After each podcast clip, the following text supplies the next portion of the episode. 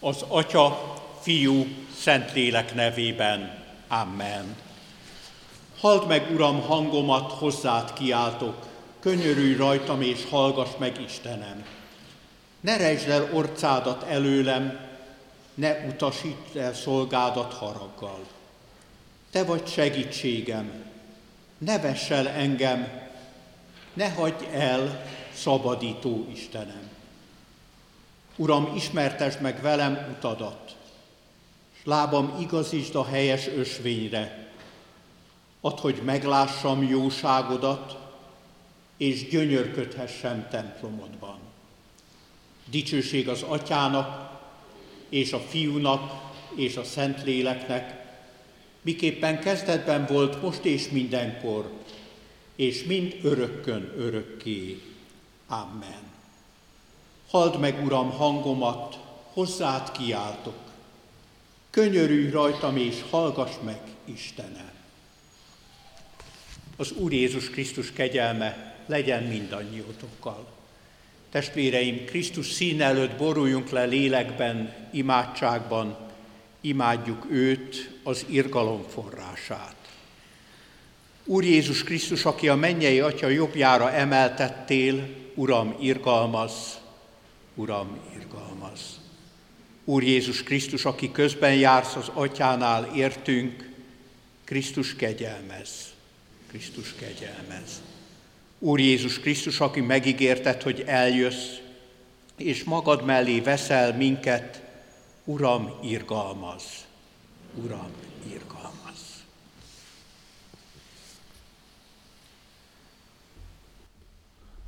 Ünneplő gyülekezet, szeretett testvéreim az Úr Jézus Krisztusban, a kűrie után glória következik. Liturgiából megtanultuk jól. És az, aki rendszeresen látogatja az Isten tiszteleteket, miséket, jól tudja, hogy a kűrie után glória következik. Mert akkor, amikor meghajlunk Isten színe előtt, leborulunk és imádjuk őt, akkor egyszerűen ráébredhetünk arra, hogy az Isten dicsősége az közöttünk van, irgalma és bűnbocsánata. A kűrie után glória következik. Így gyülekeztünk ma össze, hogy a Budavári Sückórus szolgálatával vendég szolgálattevő művészekkel meghallgassuk Vivaldi Glória című művét. Nagyon sok szeretettel köszöntöm a kórust, Haknaer Bettina karnagy vezetésével, az organistákat, német Zsuzsát és német Sándort, akik négykezes orgona feldolgozásban kísérik a művet, és a szólistákat, Pásztor Júlia szoprán és Turnai Viola alt énekeseket. A kűrie után glória következik. De valójában mi ez a glória, kérdezhetjük mindannyian. És akkor, amikor elkezdünk gondolkodni, mit is jelent a dicsőség szó, akkor rengeteg bibliai ige, rengeteg bibliai kép jut eszünkbe. És azt mondjuk talán, hogy a legegyszerűbb lenne lerajzolni, mert glóriát rajzolni a legkisebb gyerek is tud. Egy sárga karika a fej körül. Így ábrázolták a dicsőséget ősidők óta, az ikonokon is, az oltárképeken, festményeken, milyen egyszerű kirajzolódása ez annak, amit mi igazából megérteni nem tudunk. Mert hogyan érthetnénk azt meg, amit a Szentírás ír, hogy például a sínai hegynél megjelent az Isten dicsősége. Biztos, hogy nem egy sárga karika volt az, egy glória, egy rajzolt glória. Egészen más tapasztaltak ott, és a Szentíró mégis így írja, hogy megjelent az Isten dicsősége. És aztán azon a karácsony éjszakáján, amikor minden olyan sötét volt, és felragyogott a csillag, és megszólalt az angyalkor, vajon tudták-e a pásztorok, hogy mi az a glória? Mi az a dicsőség? De hogy tudták, csak hallották, hogy dicsőség a magasságban Istennek. Mi az a dicsőség? Mi az Isten dicsősége? Kérdezzük, keresve, kutatva, talán a saját életünkre gondolva, mikor sok nyomorúságot, fájdalmat, gyászt, nehézséget hordozunk, vajon hol van jelen az Isten dicsősége? Sokszor mondják azt, hogy akkor, amikor a templomunkba úgy süt be a nap, hogy az üvegablakon keresztül ragyog be a fénye, akkor minthogyha az Isten dicsőségét látnák. Ez csak egy látszat. Glória.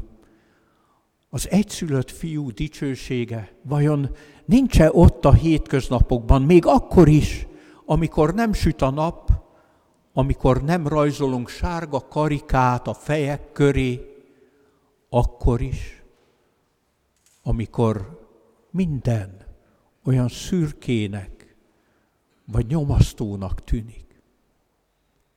Hiszem és vallom, hogy Isten dicsősége megjelent a világban.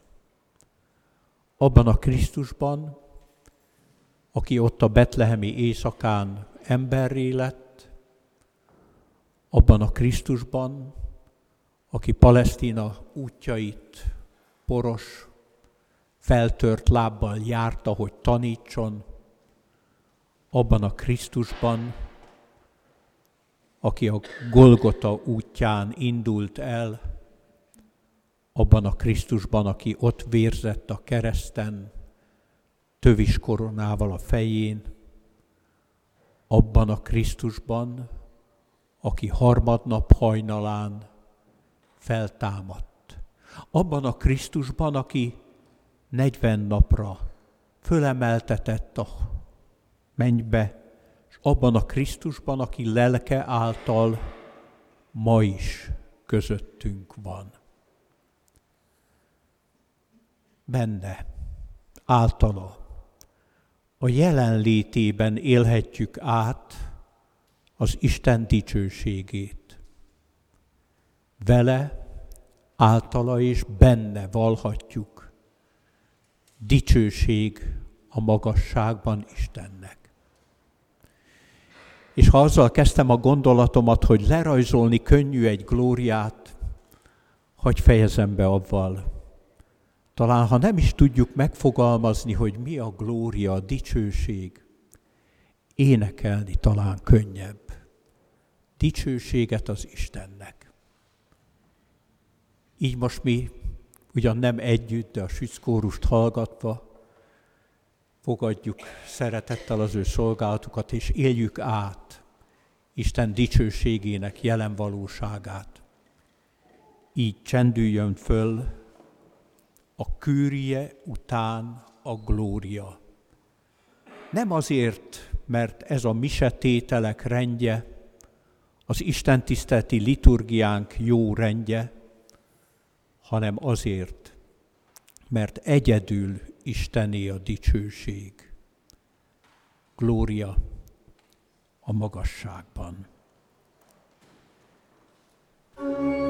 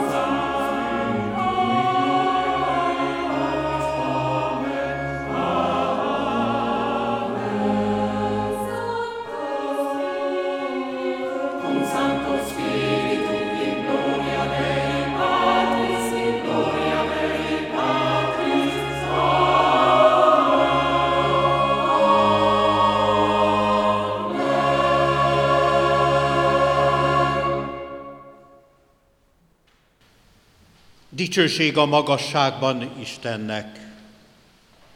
Urunk, Te, aki a mennyben lakozol, közénk jöttél. Igédben és a szentségekben velünk vagy. Dicsőség a magasságban Istennek, hisz nem hagytál bennünket árván, elküldted a lélek ajándékát. Dicsőség a magasságban Istennek, és a földön békesség. Erre várunk. Urunk, teremts a szívben, az emberi közösségekben, és a világban a Te szereteteddel békességet. Dicsőítünk Téged, áldunk Téged, imádunk téged, magasztalunk téged. Hálát adunk neked, Urunk, számtalan jó téteményedért. Hálát adunk a mindennapi kenyérért, a kedvező időjárásért, a testvéri közösségért, egyházad, gyülekezeted épüléséért, a harmóniák békét teremtő ajándékáért. Hálát adunk neked a te nagy dicsőségedért. Úristen, királya mennyeknek, mindenható Atya Isten, az Úrnak egyszülött fia Jézus Krisztus, ki hordozod a világ bűnét, könyörülj rajtunk. Amikor téged dicsőítünk, Urunk, azért tehetjük, mert látjuk kicsinségünket, elesettségünket, segítségre szorultságunkat, és tudjuk, hogy egyedül Te vagy a Szent, Te vagy az Úr, Te vagy az egyetlen fölség, aki a szeretet hatalmával könyörűs rajtunk. Ki elveszed a világ bűneit, hallgass meg, ki ülsz az atyának jobbján, könyörülj rajtunk. Oldozz fel, áldj meg, és kísér bennünket a hétköznapok során is. Te, aki a Szent Lélekkel együtt az Atya Isten dicsőségében ülsz, áldj meg minket, és hallgassd meg közös imádságunkat. Mi, Atyánk, aki a mennyekben vagy, szenteltessék meg a Te neved, jöjjön el a Te országod, legyen meg a Te akaratod, amint a mennyben, úgy a földön is. Minden napi kenyerünket add meg nekünk ma, és bocsáss meg védkeinket, miképpen mi is megbocsátunk az ellenünk védkezőknek. És ne vigy minket kísértésbe, te szabadíts meg a gonosztól, mert tiéd az ország, a hatalom és a dicsőség mindörökké. Amen. Mielőtt Isten áldásával tovább indulnánk ezen az estén, szeretettel hirdetem a testvéreknek, hogy a héten a szokott rendben tartjuk meg a gyülekezeti alkalmainkat, pünkösd ünnepén pedig délelőtt 9 órakor, 11 órakor és este 6 órakor lesz Isten tiszteletünk, pünköst hétfőjén pedig délelőtt tartunk Isten tiszteleteket.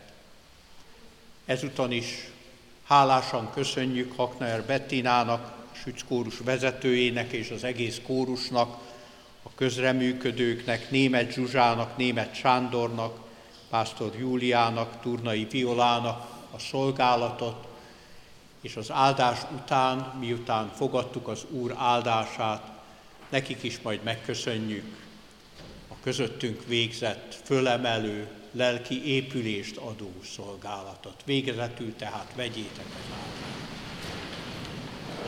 Isten népe, az Úr áldjon meg, és őrizem meg tégedet. Az Úr világosítsa meg az ő arcát te rajtad, és könyörüljön rajtad. Az Úr fordítsa az ő szent arcát te feléd, és adjon te néked békességet. Amen.